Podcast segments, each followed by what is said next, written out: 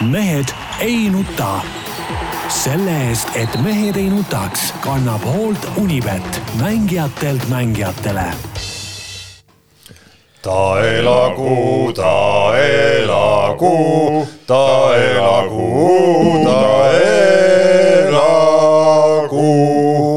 ja klaasid kokku kõlagu, nad kõlagu, nad kõlagu. Hip-hip hurraa. Hip-hip hurraa. on kuuskümmend ehk seitsmes kümme.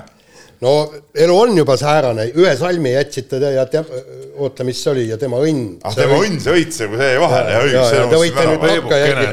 aga see polnudki nii tähtis, sest et eh, mis õnne sul ikka see vaja on, kui me oleme siin olemas No. ja no ma ühtlasi juhin tähelepanu, et äh, vaatajad kindlasti andestavad, et selline korrektne Jaani sissejuhatus jäi ära, aga, aga see tehnika, millega Jaan avab praegu ühte väga legendaarset veini ja selle veini toon, ma usun, väärib ka tähelepanu väärimist, et äh, kas keegi nüüd mäletab ka, no esiteks ütleme ära, palju õnne, Jaan, kuuekümnes juubel just täna. Palju õnne hälilapsele või kuidas seal öeldakse, Vikerraadio ei, see. Vikerraadio on see, et jah kas, kas seal vanusepiir ka on, et mis, mis vanusest alates võetakse vastu üldse? no kuuekümnesed kindlasti et võetakse seal., et tegelikult tasub ei, sul siis kuuskümmend vist ei võeta, seal on mingi seitsekümmend ja seitsekümmend ära, ära, Et ära ootan- ära nüüd ütleme, kujuta ette, et sa oled veel mingi noor mees, ei ma ole ootan. seda päeva, kui saaks Jaanile ka sinna saata Jah. ikkagi selle. ütleme nii, et täielik nässistumine on toimunud, ütleme ja meie Tarmoga oleme näinud, ütleme noore ja sileda Jaani eh, muutumist siukseks eh, vanamehe pässiks, nagu ta praegu on. Peep, me ma tunneme lihtsalt nii kaua Jaani. Peep, ma panen, ma annan sulle kahekümne aasta taguse pildi, ma tegelikult akrediteeringutel kasutangi kahekümne ma- ma aasta tean seda pilti küll, mis sul seal see on täpselt, kas on mingit erinevust praegusega? natuke ikkagi on, nii, aga ikkagi ütleme nii, et, et ei saa see sünnipäev alata nagu siis ilma. ja no nii nagu vaata vanemad soovivad õnne, nii peavad kaaslased ka ikkagi nagu eraldi looma ikkagi. aga see on legendaarne vein on jah, mis oli kümme aastat kadunud ja mille ma lõpuks eh, üles leidsin. ja mille puhul see meile kunagi Kuku raadiosse saadeti, et seda me ei- keegi ei mäleta, et kui see veinisaatja, äkki ta kirjutab meile, et mille puhul me selle veini saime. no aga selle veini lugu on, ootas ära selle veini ja vahel. no point on selles, et Jaan võttis selle enda hoole alla tol aastal, mis oli aastaid juba väga palju tagasi. 2010. 2010 oli. ahah, see on kaks tuhat kümme oli see aasta, see vein on kahe tuhande üheksandast aastast. jah, see oli, see oli kuskil seal ja, ja kusjuures äh, nüüd mul on ka meeles, kuidas see oli, vaata ma kolisin ju kahe, enne, enne neid olümpiamänge kaks tuhat kümme, taliolümpiamänge kolisin, tüüpiliselt mulle muidugi. panime kõik äh, kolised Lasnamäelt panime auto peale, sealt tõsteti kõik maha, järgmine päev ma muidugi kihutasin olümpiale, eks naine siis jäi nende kastide keskele seal asju korraldama. Ja, ja siis see vein kadus kuhugi sinna asjade vahele ära.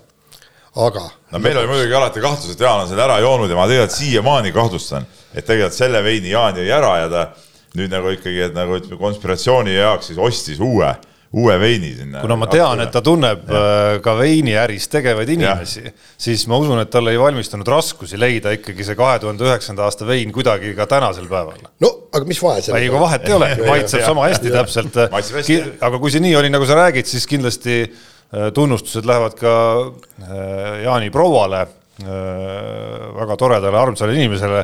esiteks selle eest, et ta seda ära ei realiseerinud sel hetkel, kui see kolimine oli ja Jaan olümpiale oli läinud. aga teiseks muidugi tunnustust on vääriv tema kannatlikkus. Kannatlikkus ja vastupidavus, kannatlikkus ja vastupidavus. ütleme arvestades seda, kuidas Jaani ütleme, päevarütm on selline, et enamus aja ta lebab voodis, kaks varianti, kas loeb raamatut või tal kõhu peal on kompuuter, kus ta vaatab Ameerika jalgpalli või pesapalli, et siis see muidugi, muidugi väärib eh, tõesti nagu tunnustust, aga võib-olla jälle teistpidi, see ongi nagu see õnneliku kooselu retsept, et, et Jaan ei sega nagu naisel kodus eh, midagi tegemast. aga sa ju ise tead, kõige hullem on see, kui, kui sul kas, kas naine või siis naisel mees jalust torkneb. ja ei, seda muidugi jah, jah Jah. et selles väga suhtes selge. kõik, kõik on nagu hästi. no nagu ma siin enne saadet eh, meenutasin ka, et ega ma olen aeg-ajalt saanud tagasisidet, et mis te selle Jaani kallal nii palju võtate, et eh, ma usun, et kuuekümnendal juubelil nii-öelda hällipäeval ikkagi kõlab väga hästi. On see limiit võib-olla tänaseks saateks täis, aga noh, eks me unustame selle kümme minutit hiljem jälle ära, onju. aga mille me Jaaniga enne paika panime, enne saadet, kui sai hommikul kätt surutud esimest korda, oli ikkagi see, et selge plaan on ikka püstitada Eesti nii-öelda nagu vanuserekord, vanim tegevajakirjanik, Jaan on isegi välja raalinud selle. täna oli just uudis, et Saaremaa ajakirjanik läks pensionile üheksakümnendal eluaastal nii et mul on veel kolmkümmend aastat minna. Jaan on oma karjääri täpselt keskpunktis praegu, et umbes kolmekümnendasse tulid žurnalistikasse, eks ole. ja, ja kolmkümmend aastat oled olnud ja noh, kolmkümmend aastat veel, mis siis ikka. kas tõesti, ma, see muidugi tundub mulle hirmutavana, et, et ma tegelikult Jaani tunnengi üheksakümnendate algusest ehk siis eh, peaaegu kolmkümmend aastat eh, sellest ajast, kui ta tuli ja, ja, ja kas tõesti sama palju peame veel teda taluma? see on muidugi, see on nagu hirmus perspektiiv. jaa, aga, aga teine asi on ju see, et vaadake, kui mina olen üheksakümmend, vaadake, kui vana mina olen kaheksakümmend siis ja ma ütlen, kui me kahekesi siin no ma olen seitsmekümnega. ja, ja kui me seda, seda Delfi asja siin ikkagi ütleme nagu tüürime sel ajal jätkuvalt edasi, et siis noh, miks ka mitte. ei no jaa, aga sa, sa mõtle nüüd, eks, okei okay,, üheksakümne aastane Martinson, see on noh, normaalne on ju, eks, no ega ma ei muutu, ega. no selles mõttes jah, et sa, ega sa, sa räägid juba praegu nagu üheksakümnese juttu tegelikult. aga kaheksakümnene Peep Pahvs on ikka tõeline õudus, seitsmekümnene Paju, noh. ma arvan, väga nooruslik. jätkuvalt euronoor. jah, ja väga nooruslik kindlasti. nii, aga lähme nüüd äkki spordi juurde ka lõpuks, vaatame. Läheme. nii, jalgpallist alustame ja äh, jalgpallikoondis pääses äh,. teeme siin jõudsa ala, siis me peame seda veini maitsma. jaa, palju õnne Äh, paisu tagant välja Armeenia vastu, tuldi taas kaotusseisust välja, aga paraku võitu ei tulnud. ja ollakse ikkagi viimasel kohal selles kummalises rahvuste liigas ja, ja ega tundub, et, et mudaliigast ei olegi pääsu jah, ma kusjuures lugesin seda meie enda lugu sellest mudaliiga teren-, no võimalikust variandist, et kui jäädki alagrupis viimaseks, siis lähed play-off'i mängima teiste alagruppide viimastega ja kukud sinna mudaliigasse ja üks asi, mis mulle silma hakkas, oli see väga suur kuidagi dramaatika selle ümber, et kuidagi rahvuste liigas mudaliigasse kukkumine ei tekita ausalt öeldes veel sellist nagu ei, katastroofi tunnet, et see ei ole, see ei ole, ütleme selgelt EM-valikturniirid, MM-valikturniirid on siiski nagu prioriteetsed asjad ja seal ei kuku ei, kuhugi. seda küll, aga, aga rahvuste liigat ikkagi noh, korvpallis kunagi mudaliiga tähendas ikkagi midagi jaa, oluliselt valik, nagu dramaatilisemat. mudaliiga jaa, aga rahvuste liigat tahetakse teha ikka stabiilseks äh, läbi aastate kestvaks äh, sarjaks, eks ole, kui sa seal oled kõige suuremas mudas, see tähendabki seda, et ega me mingeid normaalseid äh, kõvu vastaseid siin omale enam ei näe, mängimegi pidevalt nende samasuguste mudavõistkondadega, mis ei paku mitte vähimatki huvi. no valiksarjades näeme. no valiksarjades küll, aga, aga neid ähm, äh, rahvuste liiga mänge on ikkagi nagu piisavalt äh, palju seal vahel, et, et noh, ei, minu arust see on täiesti jama. aga noh, väga ei maksa veel. näitab ikkagi tervikuna selle spordiala seisu. esiteks, me ei ole kukkunud kuhugi veel, et alagrupis. ühe jalaga oleme seal. ei, ühe jalaga veel ei ole, alagrupis viimaseks jää, jää, jäänud oleme me pigem poolteise jalaga juba.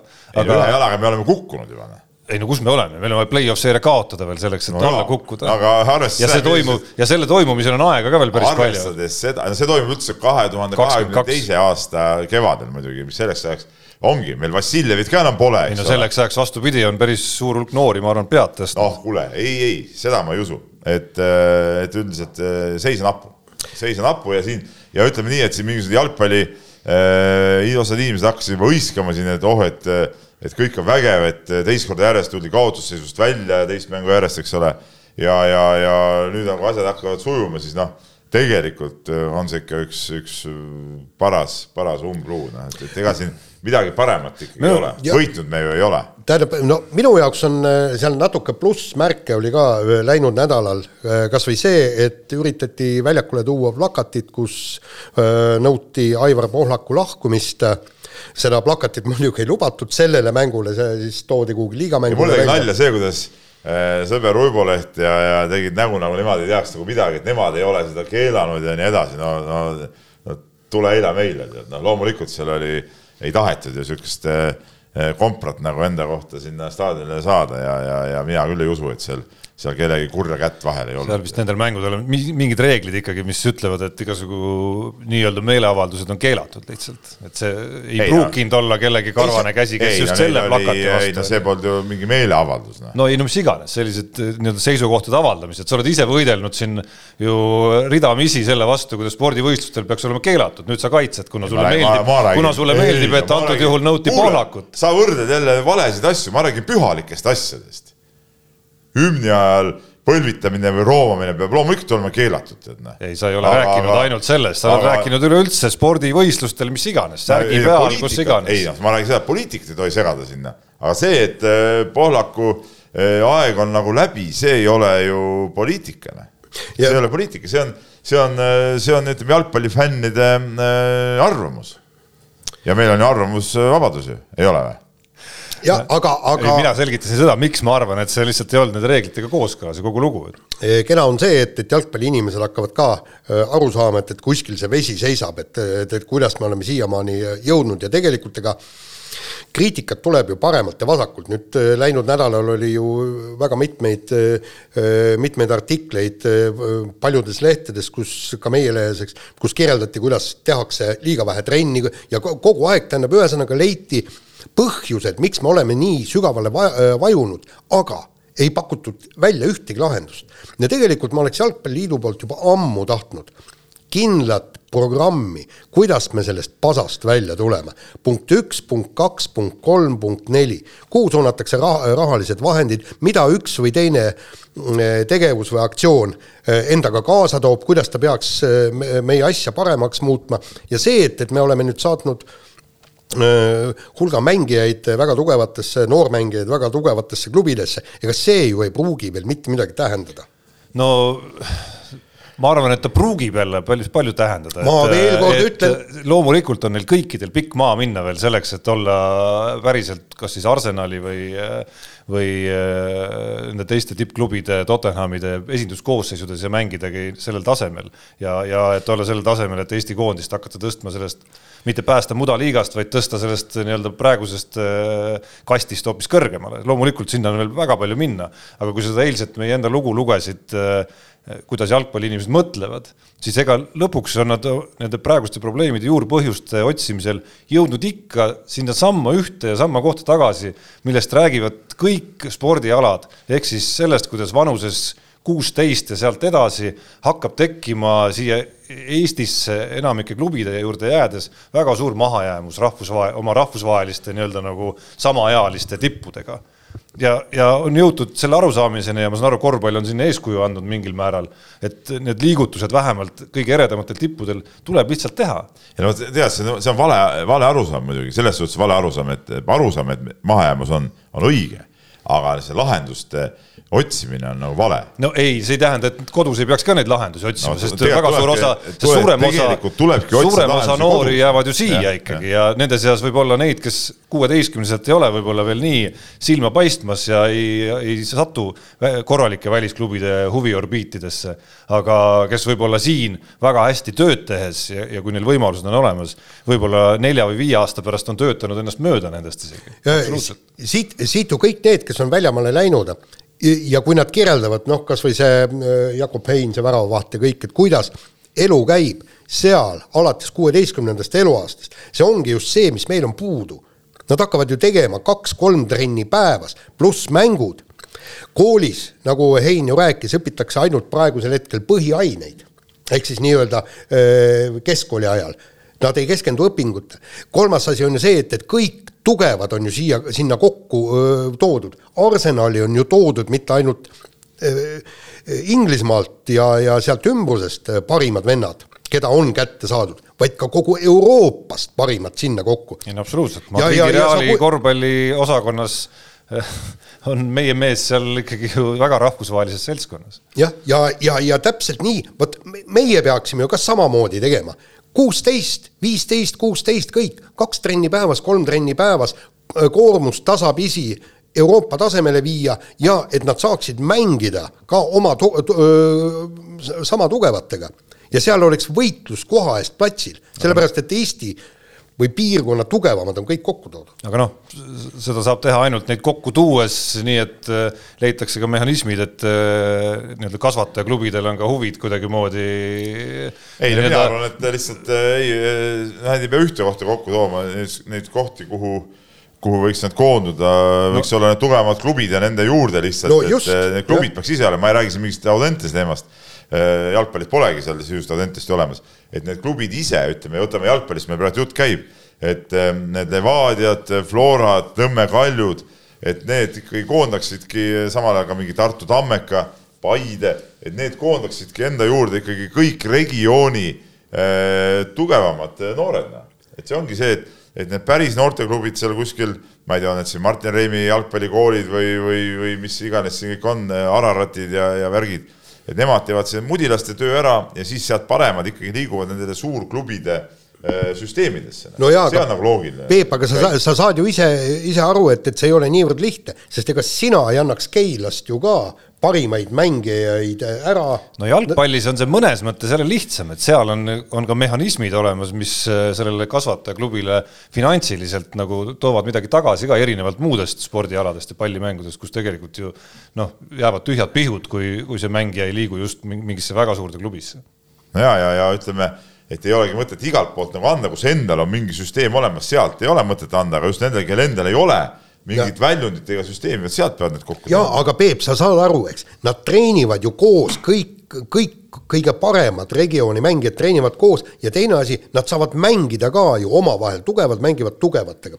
ja see, võta nüüd. aga alati see võimalus, sa paned selle noore treenima endast vanematega, no ja sellest juba piisab, see annab sama ja, efekti. jaa, aga, aga Peep nüüd kujuta ette, et kui meil tuleb korvpallis näiteks ütleme niimoodi, et, et kuus-seitse piirkonda, mis koondavad neid ja Keila jääb nagu eraldi kas sa arvad, et sa saad äh, neile vastu, kui näiteks äh, Tartu koond-, koondab kogu Lõuna-Eesti paremikku sinna ühte äh, kampa ja, ja nemad hakkavadki siis mängima siis tuleb teha kõik selleks, et ka ise olla see koht, kuhu koonduksid. Noh. no see on teine asi, jah. aga see on nüüd huvitav ikkagi, et see vestlus kohe läks, läks nagu sellesse kohta, et, et me räägime olukorrast, kus ütleme, väga nukra perioodi järel, see, räägime nüüd olemasolevast jalgpallikoondisest, väga nukra perioodi järel ikkagi noh, selle, selle nukra perioodi valguses kaks ikkagi täitsa tipp-topp mängu tegelikult on, on seesama olemasolev koondis meil teinud. et, et kui sa hakkasid mainima, et, et oli ka nagu positiivseid plusse või märke ja nii edasi, siis ma mõtlesin, et sa tahad jutu sinna viia, aga ma, ma siiski tahaks öelda, et ka sellel konkreetsel koondisel noh, on nüüd mingeid positiivseid nagu hetki nagu ette näidata, et minu arust ei ole see praegu see hetk, kus öelda, et kõik on ikka jube halvasti. et need on nagu head märgid, mida nad suutsid näidata, et no, need kaotusseisudest väljatulekud. Nagu ei, ma ei push'i üle, ma ei ütle, et nüüd on üle hurraa ja me oleme, hakkame vallutama no, siin, ma ei tea, mis kõrgusi, nagu aga, aga need on positiivsed märgid ja minu arust just positiivne osa on see, et, et seesama seltskond, kes nüüd juba ütleme seal see nooremapoolne osa Eesti jalgpallikoondisest praegu, et needsamad Käidid, Dunjovid, Heinad, et nad hakkavad nüüd pärast mingeid korralikke nätakaid, hakkavad nagu mingeid väikeseid eduelamusi ka saama ikkagi seal, et ei ole nagu üks suur must masendus lihtsalt kogu see koondise tulek, mis ma arvan, lõpuks hakkab kultiveerima edasi sellist nagu ebaõnnestumiste jadasid. et noh, ega Kossus oli selline nagu põlvkondade vahetuse hetk ja, ja alustuseks, olgem ausad, saime ka mõned päris korralikud laksud kätte, et mäletad, Peep ise Saksamaaga mängu näiteks. et, et need tuleb läbi elada, aga kui, kui, kui see muster väga pikalt jääb kestma, siis, siis ma kardan, et see, sealt on nagu raskem välja tulla kui see, et nüüd natukene ikkagi tuli õnnestumisi ka, et seesama Mattias Käit olgem ausad, äh, on näidanud nagu mängulises mõttes ju nendes viimastes mängudes no, selgelt ka, selgelt ka uut kvaliteeti ja. ikkagi, mida me ei ole temalt mõnda aega enam näinud, et need on asjad, mille üle rõõmustada ikkagi, mitte et öelda, et kõik on jälle halvasti. nii. vahetame teemat, äh, kindlasti ei ole kõik väga halvasti meeskonnas, mis ei ole küll Eesti meeskond või Eesti klubi, aga mis, aga mis, mis väga paljude Eesti korvpallisõprade jaoks seda ikkagi nagu on, ehk siis äh, Kaunas ja Žalgiris korvpalli Euroliiga, neli vooru on mängitud, koroona seda kõike mõjutab mingil määral, aga ainuliider Euroliigas hetkel Žalgiris no,. kes oleks, kes oleks seda osanud arvata, kui oota, ma küsin kohe küsimuse, kes on peatreener Žalgirisel? Martin Schiller. jah, aust-, austerlane. austerlane. no siis kahtlane mees muidugi. aga, aga tehke nüüd mulle selgeks, et äh.... ei no ikka see austerlase jauramine, no, no mis seal vahet on, on ta austerlane, eestlane? väga suur vahe on no,. tähendab, ütleme selles suhtes, et okei okay,, tal on praegu hästi läinud küll, aga noh ma ei tea, vaatame, laseme nüüd asjadel veel, veel minna, tead, mul, mul siiamaani usaldust veel nagu ei ole. sinu nägemuses näiteks eestlane ei peaks kunagi saama Žalgirise peatreeneriks? Ei noh, eestlased peame ennast ikka korvpallirahvaks, aga austerlased kindlasti korvpallirahvas. ja kusjuures. meie peame, ma seda rõhkan muidugi meie peame. just meie. ja, ja, ja kusjuures tegelikult. ega Schilleri. eestlane on olnud seal. olgem ausad, ega Schilleri taustas nüüd seda Austriat, eh, kui sa nüüd vaatad, mis ta on viimased kümme-viisteist aastat teinud. ei, ma tean, Tarmo, kust ta on tulnud. paistab sealt Saksamaa ja USA ainult välja. aga no kui nüüd rääkida Žalgirise sellest mängust, siis siis selge see, et siin nagu üllatust on ikkagi omajagu ja, ja mängida nad ju vägevalt ja ja, ja noh, ütleme, seal on ikkagi ka, mis on nagu oluline, on see, et, et omad vennad on ka ikkagi päris kõvasti jälle pilti nagu tõusnud, et võtame selle Jakobaitise esiletõusu noh, ütleme, see on olnud ikka väga järsk võrreldes eriti nagu näiteks suvega, kui ta käis siin suvel Eesti koondise vastu mängimas ja võrrelda nagu praegusega, noh, ütleme, see on nagu öö ja päev, noh, et siin nagu esiletõus on olnud ilmne, pluss siis ka ütleme, teised leedukad on olnud päris head ja ja, ja, ja noh, ütleme see mängu, mängupilt ise on muidugi nagu tore, jah ja et mul see leedukate enda roll sealjuures on ka see, mis aina rohkem imponeerib, et eriti mul nüüd, mul nüüd mälu võib petta natukene, millisest äh, artiklist ma seda lugesin, oli see meie enda või mitte. et seesama Marius Grigonis ja Ramunas Šiškauskase võrdlus. ehk et, ehk et selline potentsiaalne nagu uue suure staari kerkimine, mis on praegu siis nagu Žalgirise vormis ja, ja Leedu korvpallis siis nagu laiemalt meie silme all justkui nagu lahti rullumas, et need on ägedad hetked ja, ja temast tundub seda potentsiaali nagu väga olevat, aga, aga noh, taaskord siin ei ole noh, esiteks olgem ausad, natuke on õnne olnud Himki vastu, kes teoorias peaks olema ikkagi Euroliiga selle aasta üks võimsama koosseisuga satse, mängiti ikkagi nagu seitsme mehe vastu, ehk siis ilmselgelt noh, seal nagu mängu, mängu ju lõpuks nagu ei olnud, on ju, et see selle hooaja alguse graafiku juures ilmselgelt oleks pidanud üks selliseid potentsiaalseid suuremaid karisid olema. aga noh, samas ei saa ka öelda, et see graafik oleks väga lihtne olnud, lihtsalt see välismängude kvalifitseerumine välismängudeks olukorras, kus seal on tribüünid tühjad, noh, ongi natukene teistsugune nähtus tegelikult. see natuke, natuke ikkagi mõjutab, noh. natuke ikka mõjutab isegi tühja tribüünidega see, et kas sa oled kodus, kodusaalis mängid, on seal siis publikut või ei ole, natuke ikka sul on parem mängida seal kui kuskil äh, välismaa tühjas saalis, eks ole aga, aga mis ma tahan öelda selle kogu selle Euroliiga kohta, et see nagu üldse, ma ei, mitte mingil juhul ei pisenda selle Žalgirise hetkeseisu, et Žalgiris on võimas olnud, aga aga minu arust Euroliiga muidugi eh, paras komejant tegelikult siiamaani, et eh, just selle koroonaga seoses, et noh, ikkagi need eh, seniidile antud see need null kakskümmend kaotused, noh, võib-olla nüüd nagu tühistatakse ära, nagu ma olen nagu aru saanud, aga võib-olla mitte, eks ole. noh, see on ju totruste tipp tegelikult, noh, see on täiesti totter. sama totter on see, et, et Imki on sunnitud siis, no ma vaatasin seda, see oli vist reedel, kui nad mängisid selle Baskooniaga. no mis, tuled appi, no seal olid, ütleme no seal olid ikka täiega kaerajaanid tulid platsile vahepeal, noh. et no see, no seal nagu no see on nagu, see on ju jama, no see ei ole Euroliiga tase. no mõnes mõttes on laske, laske neil mõttes... võistkondadel siis äh, nagu need koroonavennad nagu terveks saada ja, ja, ja, ja mängige siis no mõnes mõttes on Himki nagu saanud karistada, eriti kui näiteks seniidi null kahekümned vaadatakse ja. üle, siis on Himki saanud nagu karistada selle eest, et nad on oma noortesüsteemist suutnud nii palju oma noori vene seal üheksateist, kahekümne aastaseid poisse üles tuua, onju.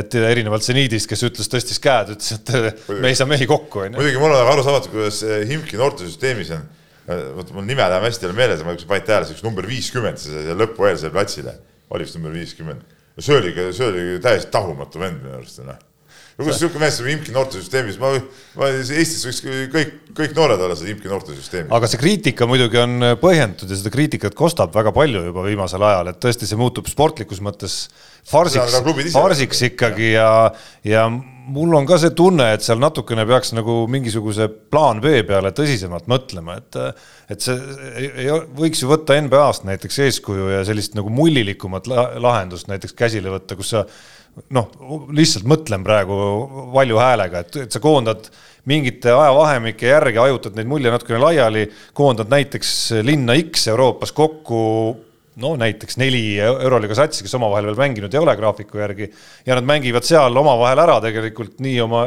esimese kui teise kohtumise niimoodi, et iga õhtu on mäng või kaks, on ju. ja, ja niimoodi mullide kaupa on võimalik see asi teha nagu vähemalt sportlikus mõttes nagu ausalt, on ju. jah, sa loobud nendest klassikalistest mängupäevadest võib-olla, aga kuskilt tuleb tagasi anda, aga sa võidad nagu rohkem vastu no aga seal on natukene nagu, natukene nagu seda plaanitakse nüüd seda rahvuskoondiste lõppfaasi ära mängida. no see muidugi, see on ka see rahvuskoondiste lõppfaasi mängimine on ka on nagu ta on. sellest tuleb päris suur kaos veel. sellest ma pakun ka välja, sest seal on ju pärast see, et kuidas keegi kuhugi tagasi saab minna. ei no esimene küsimus on, kust üldse tulla saab. täpselt, kust tulla saab, see on üks asi, teine see, kuhu sa tagasi saad minna, mis tingimustel, eks ole. et mis klubid üldse ja. on nõus sellega, et, et sa annad mängija ära kuna, kui on mingid erireeglid, siis nad peavad varem veel ära tulema, et võib-olla kuskil natukene aega veel. Nende vendadega, kes ütleme, muidu oleks võib-olla, ma ei tea, Euroliiga mõned satsid, et et noh, täna mängid siin ja homseks sõidad koondise juurde veel, aitad seal ka kaasa, siuksed asjad on nagu välistatud sellega seoses. Noh. et siit võib veel päris ja. palju halbu üllatusi tulla ja kõikide koondiste ja jaoks. ma arvan, et see, need halvad, nii-öelda halvad üllatused puudutavad ka Eesti koondist, no ma ei usu, et ma elu sees ei usu, et kõik vennad sealt saavad tulla, no seda, seda Raiestet ju mingil juhul ei lasta siia. Noh. absoluutselt. see on nagu ebareaalne, no pluss ega siin võib ka teiste, teiste satsidega olla, kui näiteks Hispaanias on ju päris tõsised reeglid, noh, kas seda Venet lubatakse sealt tulla, noh kas Paasojat sealt esiliigast lastakse tulla, noh. et, et noh, see, see ei ole nagu või Kullamäed näiteks, eks ole, noh, et see ei ole nagu üldse nii, nii lihtne. nii, nii, aga lähme edasi ja, ja tehnikasport. tehnikasport ja, ja Jüri Vips äh, on tekkinud siis selline olukord, et erandkorras on ikkagi võimalik tal see kuulus superlitsents kätte saada, mis äh, võimaldaks siis vormel ühte siirduda. aga, aga siin need variandid on siuksed äh, esialgu nagu segasid, et, et eh, Jaan, sa oled ka nagu nii-öelda vipsi spetsialist, et eh, rõhk on nagu alati sõnal nii-öelda. tee meie kuulajatele-vaatajatele nüüd puust ja punaseks. ma loodan, et su ütleme Oma... vananenud aju eh, suudab seda nagu ikkagi kuidagi adekvaatselt välja, välja selgitada. jaa, aga võib-olla on teine noorus, nii, tähendab, ühesõnaga tuli siis kui sa selle pokaali kiiresti tühjaks jooks, siis, siis tuleks see puust ja punaseks sealt päris punaseks mm,. jah, et et äh, FIA võttis vastu reegli, koroonareegli, et, et need, kes ei saa lepingulistes sarjades koroonaviiruse piirangute tõttu osaleda, äh, neile võib anda superlitsentsi äh, kätte ilma selleta, et, et neil nelikümmend punkti koos oleks, aga sellel võidusõitjal peab olema vähemalt kolmkümmend punkti seks ajaks juba olemas. Vipsil on kolmkümmend kaks punkti teatavasti ja hoobilt kohe väga mitmed portaalid äh, nimetasid selle reegli Vipsi reegliks ja kirjutati, et Helmut Marko ehk siis Red Bulli äh, nii-öelda äh, sõitjate boss oli spetsiaalselt välja pressinud FIA käest niisuguse reegli ja just Jüri Vipsi jaoks. ja siis ma rääkisin Marko Aspergiga kes on Jüri Vipsa asem äh,, abiline ja, ja tema teatas, et jah, et, et mingid tõepõhjad sellel äh, on, kuigi ma ei ole siiamaani aru saanud, mikspärast Helmut Marko seda Vipsi niivõrd armastab, aga ju siis ta on hea sõidumees, eks. ja mis on nüüd huvitav, Vips sõitis Jaapanisse, sõita ta ei saa praegu äh, kolmandal etapil, ootab novembri keskpaika kuskil, et siis tuleb neljas etapp, siis ta saab supervormula autosse istuda oleks võinud samal ajal siin olla ja neid regionaalseid tšempionaate sõita. aga, aga taaskord mõte on see, et, et siis FIA võib öelda, et no et aga palun, miks sa siis äh, reg regionaalses tšempionaadil ei saanud oma punkte täis, oli ju võimalus olemas, eks. ja sellepärast nüüd mindigi Jaapanisse ja sealt on väga hea näidata, et näed, mul on leping Jaapaniga, ma ei saa koroonaviiruse tõttu seal võidu sõita, nii et paluks nüüd superlitsentsi oletame, et see, jätkates puust ja punaseks tegemist, oletame, et see asi läheb läbi ja, ja tehakse nii-öelda Vipsi erand. see ei tähenda ju seda, et Jüri Vips järgmisel aastal hakkab vormel ühes sõitma, et eh, kui ma seda lugu lugesin, siis võib-olla isegi nagu huvitavam koht minu jaoks oli, oli tema mänedžeri Marko Asmeri mõte, et, et järgmisel aastal on eh, ikkagi plaan ja soov sõita nagu täishooaeg vormel kahes on see nii?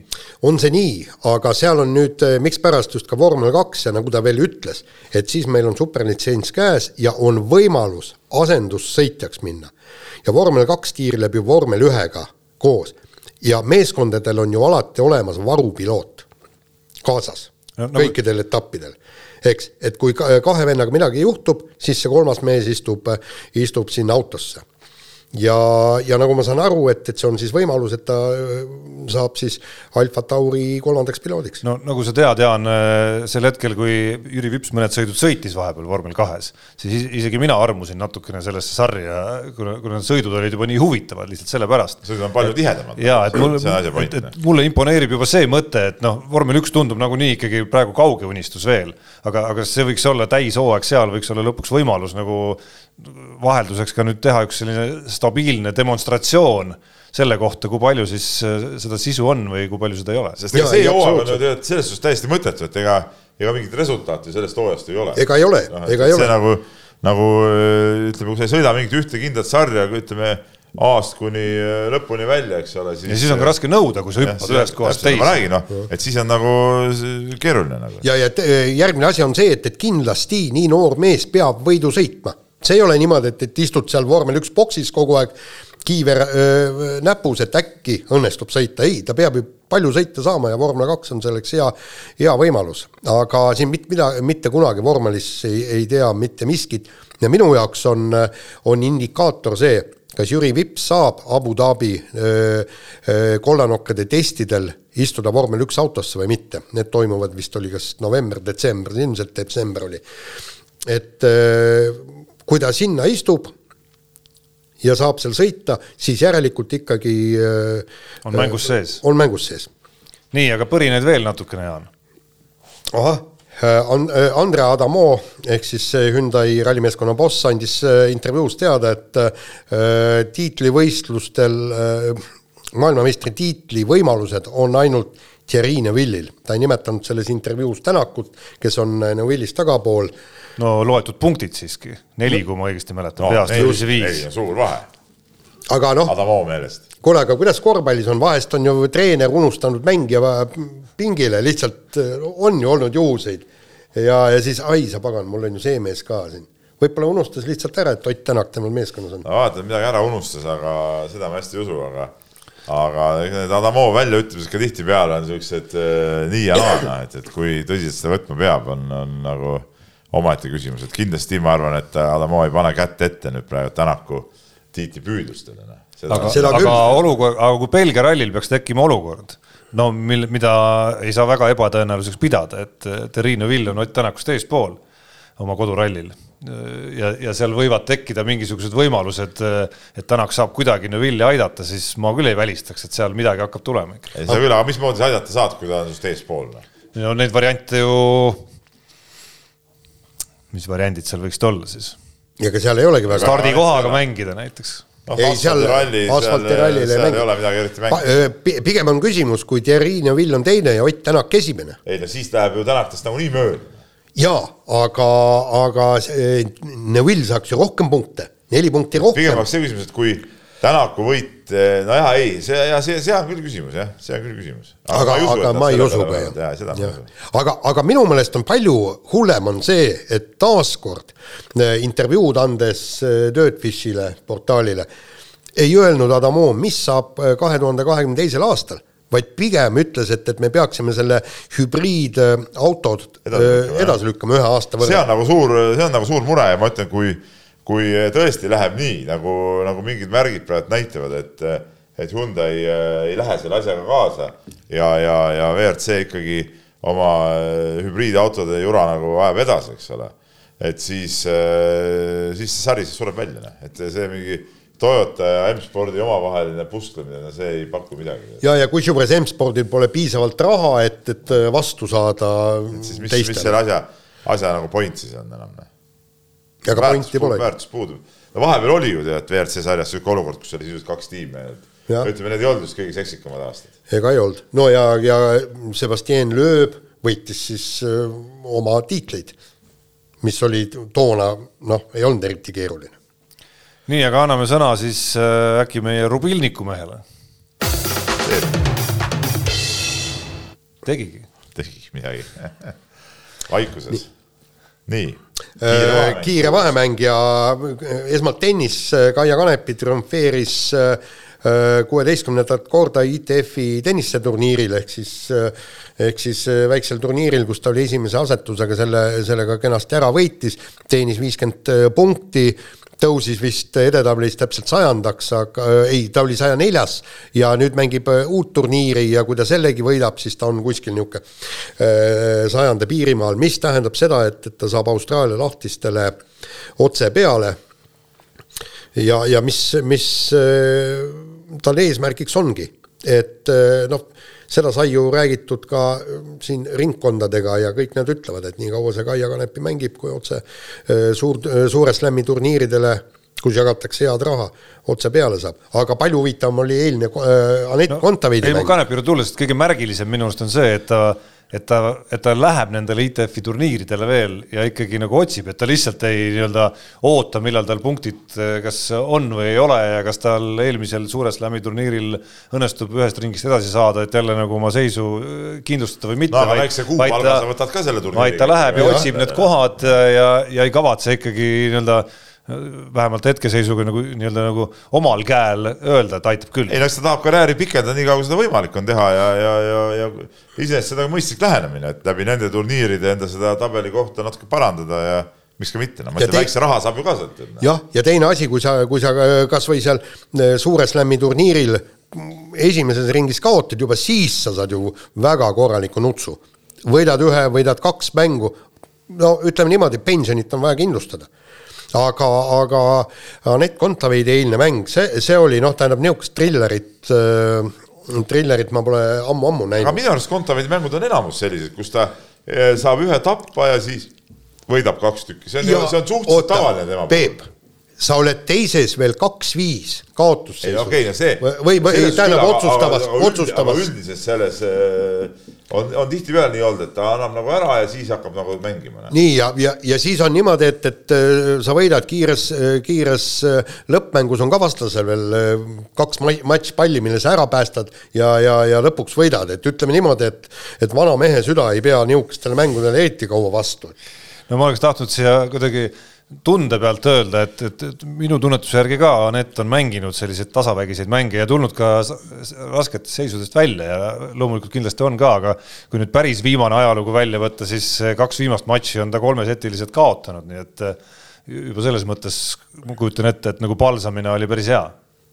aga Hanno Pevkur, mis palsamit temal võiks vaja minna pärast seda, kui üritas siis Pevkur saada Euroopa võrkpalliliidu või föderatsiooni, kumb see õige nimi seal on, äh, presidendiks. Äh, aga koges siis sellist äh, spordipoliitika täit elu, täit ilu, mis ei tohiks talle nagu poliitikuna muidugi ka kuskilt nagu üllatusena tulla, ehk siis oma arust oli selline nagu ühe-kahehääleline nagu seis, et emmale-kummale poole see valimine minna võiks, aga, aga kui hääled kokku loeti, siis, siis see vahe oli ikkagi väga selge ja, ja tõdes Pevkur, et, et päris paljud delegaadid äh, nagu valetasid ikkagi otse näkku talle, ütlesid, et äh, kas A ei ole otsustanud või B hääletan sinu poolt, aga praktikas need hääled läksid rändama. no ma ise toimetasin äh, noorreporter Roosna lugu küljele, mis rääkis siis, see oli enne seda valimisi ja kui ma lugesin neid valimispunkte, mis Pevkur või oma programmi nagu, mis, mis ta välja pakkus seal, siis minu jaoks küll arusaamatu, kuidas sai tema poolt mitte hääletada et see nagu mulle nagu ei mahu praegu nagu pähe, et, et, et Pevkur pakkus välja seal absoluutselt äh, õigeid asju ja, ja, ja, ja mis nagu aitaksid kaasa ala arengule igatepidi ja, ja igatepidi oleks nagu, nagu õige asi, et, et miks, miks seda nagu ei valitud, on äh, minu jaoks mõistetamatu. minu arust, minu arust ei ole üldse mõistetamatu, et äh, aastate jooksul või aastakümnete jooksul nähes, kuuldes, lugedes, kuidas spordiorganisatsioonide, mida suuremad, seda hullem nii-öelda see valimisprotsessid käivad, siis, siis ma ei mäleta, kus oleks väga programmid omavahel võistelnud. jaa, ma mõtlen sisuliselt. et selline nagu nii-öelda nagu kulisside tagune selline nagu lihtsalt selline nagu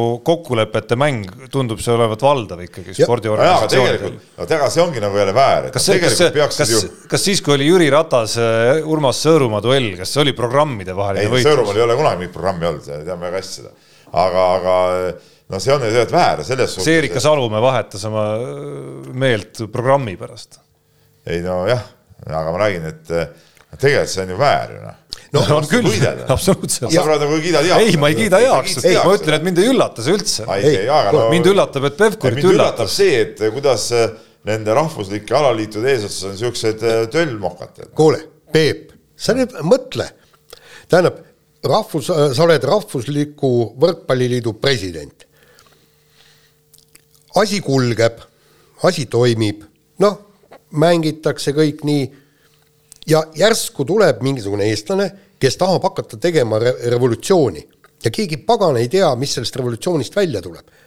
ja, ja, ja inimene, kes seal pukis istub, ta ei taha seda tõmblemist, ta ei taha, ta, ta, ta tahabki rahulikult seal ei olnud sellist see tõmblemise asi revolutsiooni, nüüd. milles, mis oleks ju pidanud eh, kellelegi kuidagi negatiivselt mõjuma, seal oli pakutud välja väga mõistlikke asju, noh. ei väga no, mõistlikke asju ki-. kindlasti on mõistlikud asjad, aga, aga, aga ei taha, meil on niigi hea.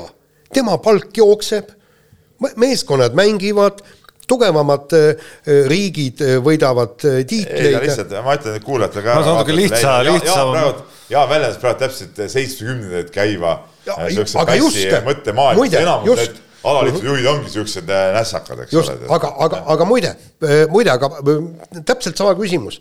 miks on Aivar Pohlak endiselt Jalgpalliliidu president? klubid ju otsustavad, valivad. aga sellepärast, et mine sa tea, mis siis juhtuma hakkab, kui tema lähe- sealt eest otsast ära läheb. aga praegu noh, asjad liiguvad ja no ma, siia-sinna. ma arvan, et sa ilustasid natukene seda pilti, et, et justkui nagu küsimus on lihtsalt sellises loomulikus tõrkes, mis ikka muutustega või, või Kes- võimalu-, muutuste võimalusega kaasas käib, ükskõik mis organisatsioonis, ükskõik mis muutustega.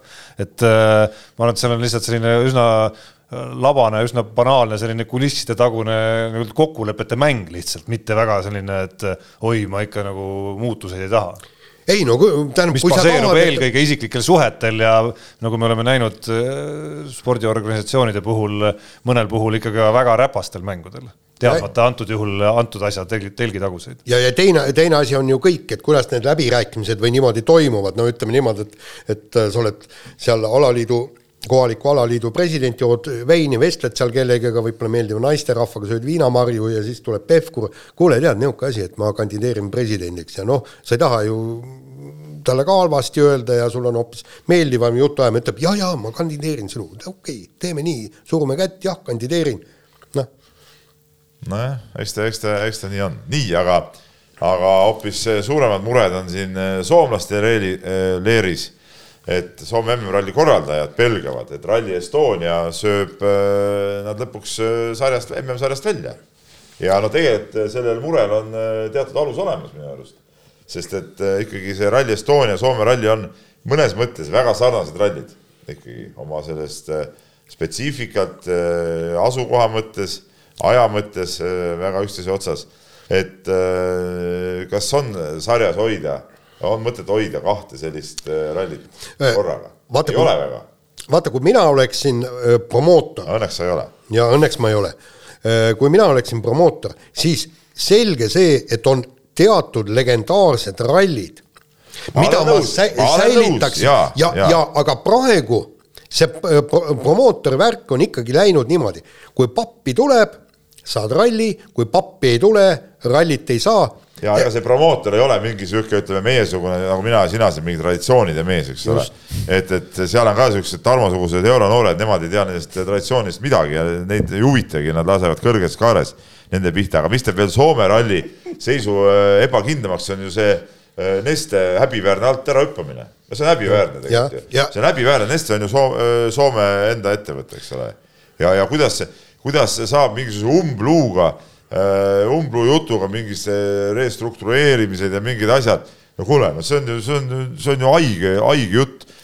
Soome, ütleme bensiinitootja peab igal juhul Soome rahvusliku uhkuseks Soome ralli toetajate hulgas olema. no ütleme, kirjutada mingile eraettevõttele ette, keda ta peab ja kui kaua ta peab toetama, noh no nagu räägime on juba oma olemuslikult, on juba oma olemuslikult veider, aga ma, aga ma arvan, et sa tõid õige viite sisse sinna, et mulle ei tundunud see võib-olla okei okay,, seal oli mingit muret äh, ralli tuleviku pärast, et ja, ja selle pärast, kas MM-sarja võib Rally Estonia nende asemele tulla, aga mulle tundus, et see rohkem oli selline kodumaale suunatud sõnum ikkagi just selles osas, et äh, sponsor on läinud, hetkel vähemalt peasponsor on läinud, pluss ta vaatab üle lahe, mismoodi Eesti riik on panustanud Rally Estoniasse, seda ta tõi ka Soome välja. riik ei panusta üldse. just, et see on see nii-öelda väikene surveavalduse koht, ma arvan, lihtsalt kas olgu see siis kodustele suurettevõtetele või siis eelkõige riigile ikkagi, et vaadake, mis eestlased teevad ja hakka, hakkame nüüd ennast ka liigutama kunagi, meil siis endal saates Jaan vist kunagi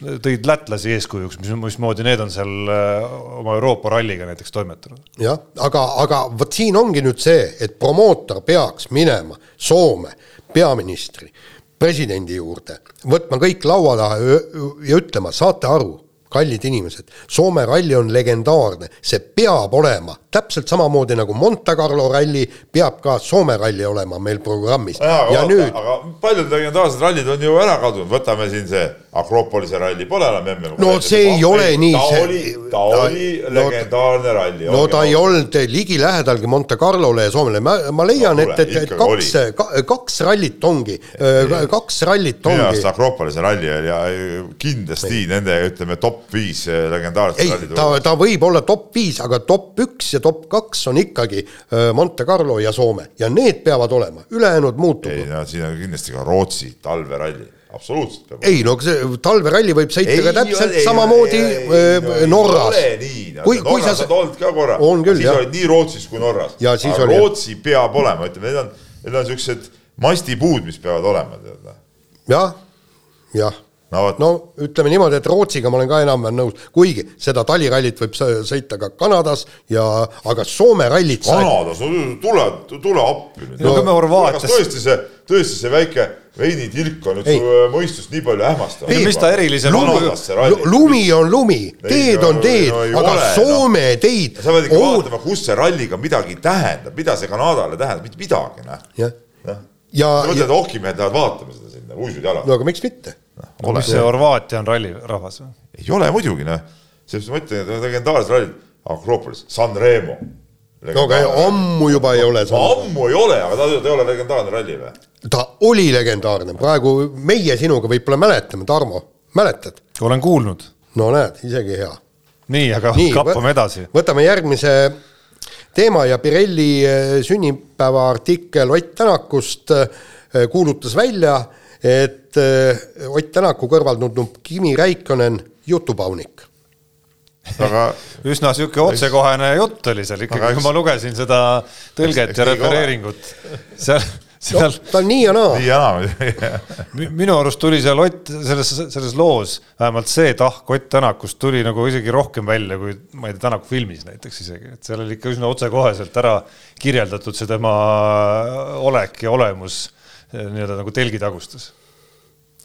jah, kuigi ma tead, ma pean tegelikult kiitma Ott Tänakut natuke selle äh, Sardiinia ajast, et, et vaatamata sellele, et nagu võistlus ei läinud ju hästi, oli ta ikka üsna jutukas tegelikult.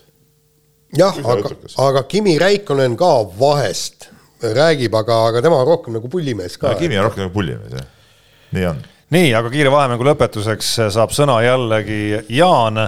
ei no hea, räägi, räägi juhata sisse kes ikkagi on tänu sellele, et ta kõik need ööd on veetnud äh, aastakümnete jooksul laptop äh, kõhu peal, ütleme siis niimoodi äh, saab, keda me saame tituleerida siin NFL-i eksperdiks, ükskõik, kas siis ilma jutu, ilma jutumärkideta või jutumärkidega, see on, jätame selle kuulajate vaatete otsustada, täna on ilma jutumärkideta.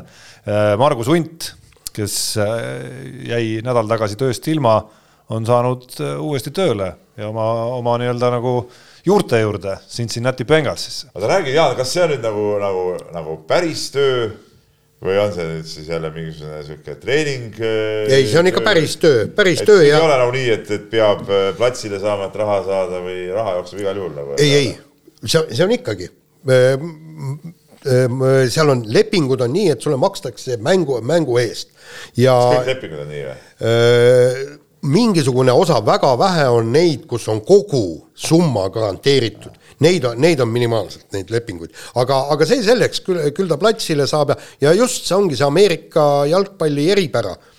Äh, Unt kaotas töö äh, Saintsis äh, seetõttu, et vigastatud mängija tuli tagasi platsile ja nüüd ta sai Bengalsisse sellepärast, et mängijad said vigastat-, vigastada ja neil ei ole kedagi kaitseliini panna.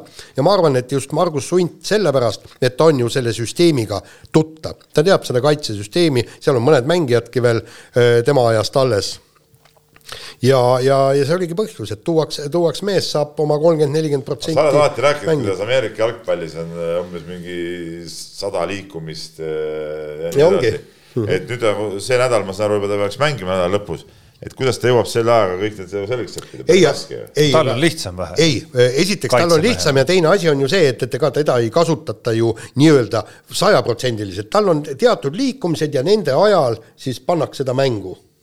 ja, ja, ja on ikka see vahetusmeheks sinna, ja, ja ei, seda kindlasti, kindlasti. mitte põhimeheks. no ta võib ennast põhimeheks mängida, aga kohe mitte alguses, ta peab kõik need liikumised ikkagi selgeks saama. ja selle kallal ta ilmselt töötabki. seal on nüüd tänapäeval on ka kompuutris, enne oli raamatud, playbook oli, nüüd on kompuutris ja ma olen täitsa kindel, et, et vend nagu õhtul läbi tuubib seda ja, ja platsil treeneritega koos näidatakse need liikumised ette. sest seal on see, et, et kui sa valesti liigud, on, on äh, asi omadega läbi aga no see, et ta sinna sai, näitab muidugi tema väärtust ikkagi, et, et tegelikult tegemist on ikka väärtusliku mängiga, et äh, ei jäänud nagu eriti pikaks ajaks repakile. aga tal on ka väga hea agent ja mu- muidugi mees on ise ka äh, väärtuslik, tal on ikkagi jõudu ja kõik on olemas, noh, kuidas ta nüüd platsil äkki jällegi siis hakkama saab. teeb oma poolsäkki jälle ära see hooaeg. no loodame, hoiame kõvasti pöialt. nii, sõna Rubilniku mehel. Unibetis saab tasuta vaadata aastas enam kui viiekümne tuhande mängu otseülekannet. seda isegi mobiilis ja tahvelarvutis.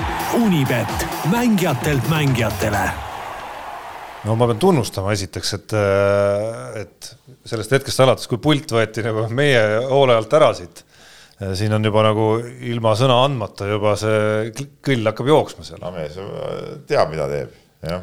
aga äh, meie võistlus Unibeti, Unibeti kontoris, ütleme siis niimoodi, läheneb jõuliselt aasta lõpu suunas kulminatsioonile. ja Peebu liidrikoht hetkel püsib, hetkel püsib, püsib, püsib, aga ma ütlen, ma kaotasin siiski eh, selle nädalaga, panin kaks panust ja mõlemad läksid mööda, et siin ütleme hetkeline sihuke, ma ütleks, et see vormilangus on, aga võib-olla sai korraks lõdvaks lastud, et mind nüüd siin nagu liiga, liiga uljalt eh, peale, ma panin siin KHL-is ühe ulja panuse Riia Dünamo võidu peale, kus ta KF oli neli koma millegiga, noh, see oli nagu selge, et sealt oli raske võitu saada, aga mille pärast ma lootsin, et saab.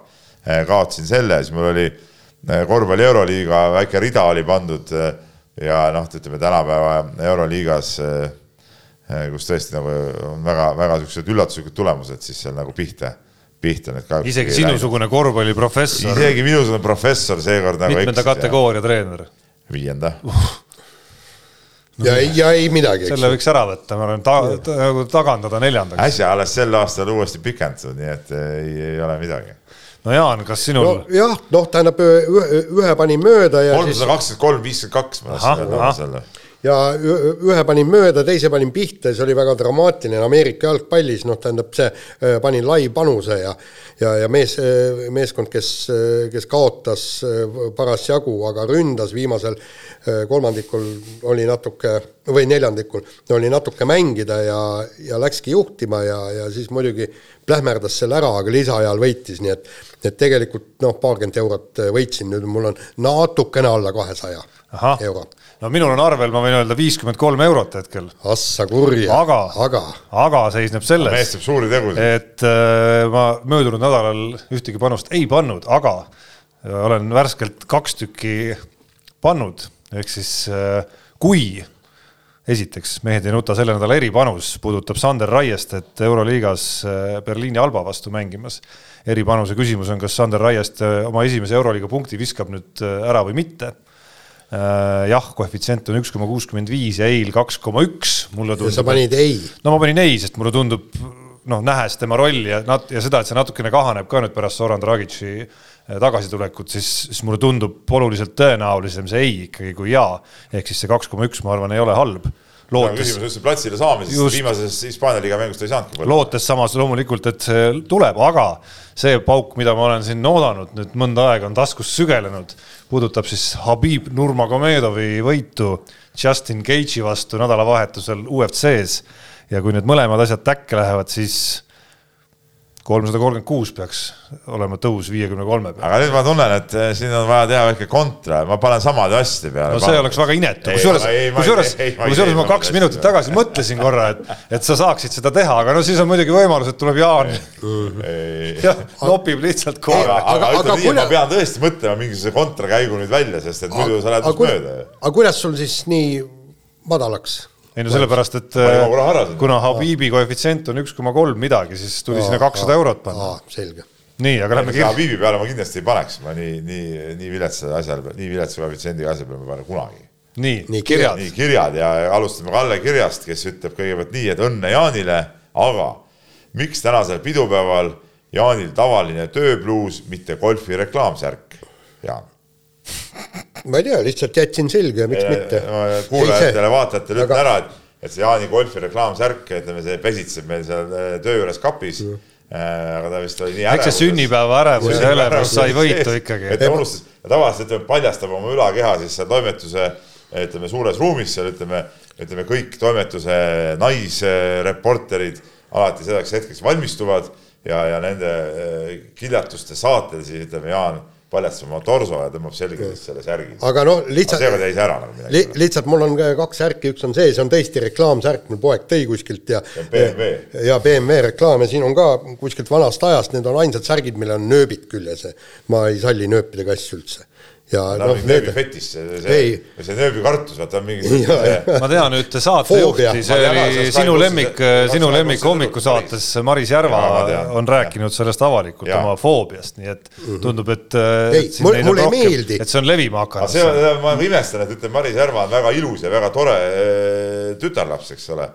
ja Jaan on, on nagu ta on et kuidas ütleme, selline. nagu koroonaviirus, et see ei vali. nagu levib, ütleme nii eh, kardinaalselt erinevate inimeste peale, noh, see ei ole nagu loogiline.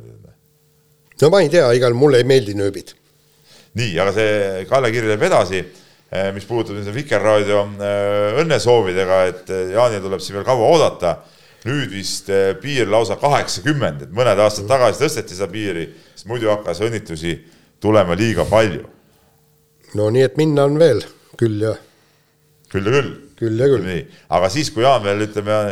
kaheksakümmend tõesti, jah. püstitab oma seda, seda ajakirjaniku, vanima tegevajakirjaniku rekordit, siis ütleme, saame vahepeal õnnitleda ka, kui ta veel töö käib nagu.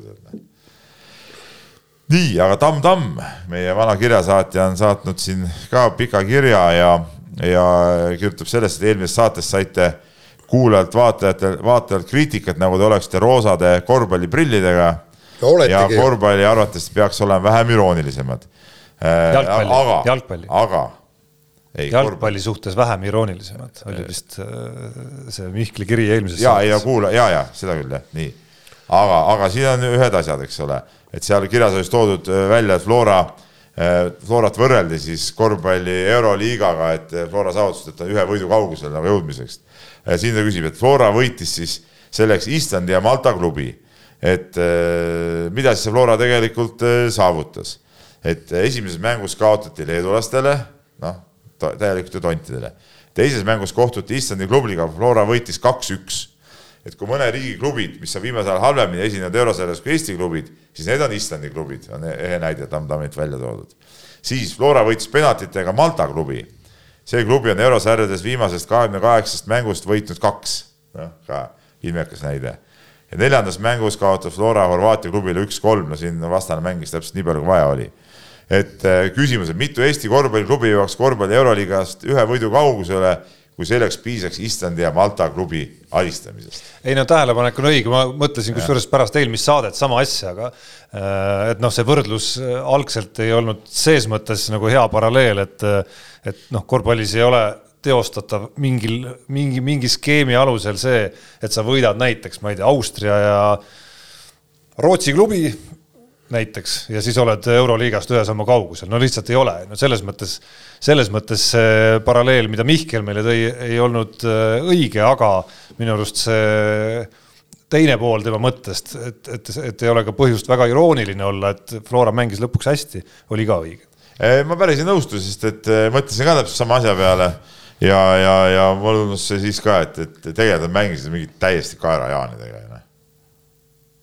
kaerajaanidega no mis mõttes, me oleme ise ka kaerajaanid. no olemegi, no see, see me olemegi, aga sellepärast me võimegi iroonilised olla, et me oleme ise kaerajaanid. aga kui me ise oleksime mingid korüfeed, siis muidugi ei maksa rõõmustada, et me kaerajaane võitsime. meie oleme korüfeed. ei, ei, ma mõtlen meie kui meie jalgpall, no me ei ole, me oleme ka kaerajaanid. nii, aga kiiresti nüüd üks minut ja kakskümmend sekundit on aega, võtan Mareki kirja ja. ja see ei puuduta ainult jalgpalli paljudel aladel oleme kaerajad. lase nüüd, meil on aega nii vähe. et äh, Heino Endel ütles viimases suurepärases intervjuus, et kui mäng jääb lõpu peale ja kaotatakse paari punktiga, siis on see puhtalt treeneri kaotus. kuid samas märkis ka selle ära, et tänapäeval on mängijad nii professionaalsed ja individuaalselt nii kõrgel tasemel, et nad lahendavad need situatsioonid ise ära mänguliselt ja ei peagi neid kombinatsioone tegema. et äh, Tarmo, et äh, on kindlasti sadu Euroliiga mänge kommenteerinud ja vaadanud, kas treener peaks siis tegema kindla joonise või peaks laskma staaridel ise lõpplahendusi leida, mis üldjuhul Euro Euroliigas on selline lahendus siis olnud või siis Peep, sina kui treener, mis peaks see lahendus olema? no, no ma olen näinud nii, nii ja naapidi lahendusi, aga ikkagi selgelt viimasel ajal aina, aina rohkem ikkagi seda, kus luuakse nii-öelda isolatsioon, üks-üks olukord ja, ja, ja sealt ta läheb siis. ja mina naudin alati sihukeses olukorras ikkagi seda, kui on väga hästi välja joonistatud. ei, mul on meeles ja, mõned Obradovitši filigraansed liikumised, millega on, on ka, mis on ka nagu õnnestunud. mis õnnestuvad ja toovad, seda nauditavam kui see, et et lihtsalt kogu time-out on selleks, et pall saaks Mike Jamesile, siis ta teeks mingisuguse idiootse käkerdise, viskaks selle vastu, vastu korvilauda, aga ei, aga meil ei ole rohkem aega. kell on viiskümmend üheksa, ma tahan lihtsalt nii palju öelda, et midagi ei ole teha. Nende mängijate, seda on NBA-s eriti hästi näha, see rünnaku meisterlikkus on nii kõrgele tasemele läinud, et nad suudavad lihtsalt nii nagu enda kohta kvaliteetse ja suure tõenäosusega sisse minema viskekoha nagu nii tihti tekitada, et jube raske on ka ette heita, et see on saatanast. ja kuulake meid nädala pärast. pidutsema mehed ei nuta. saate tõi sinuni Unibet, mängijatelt mängijatele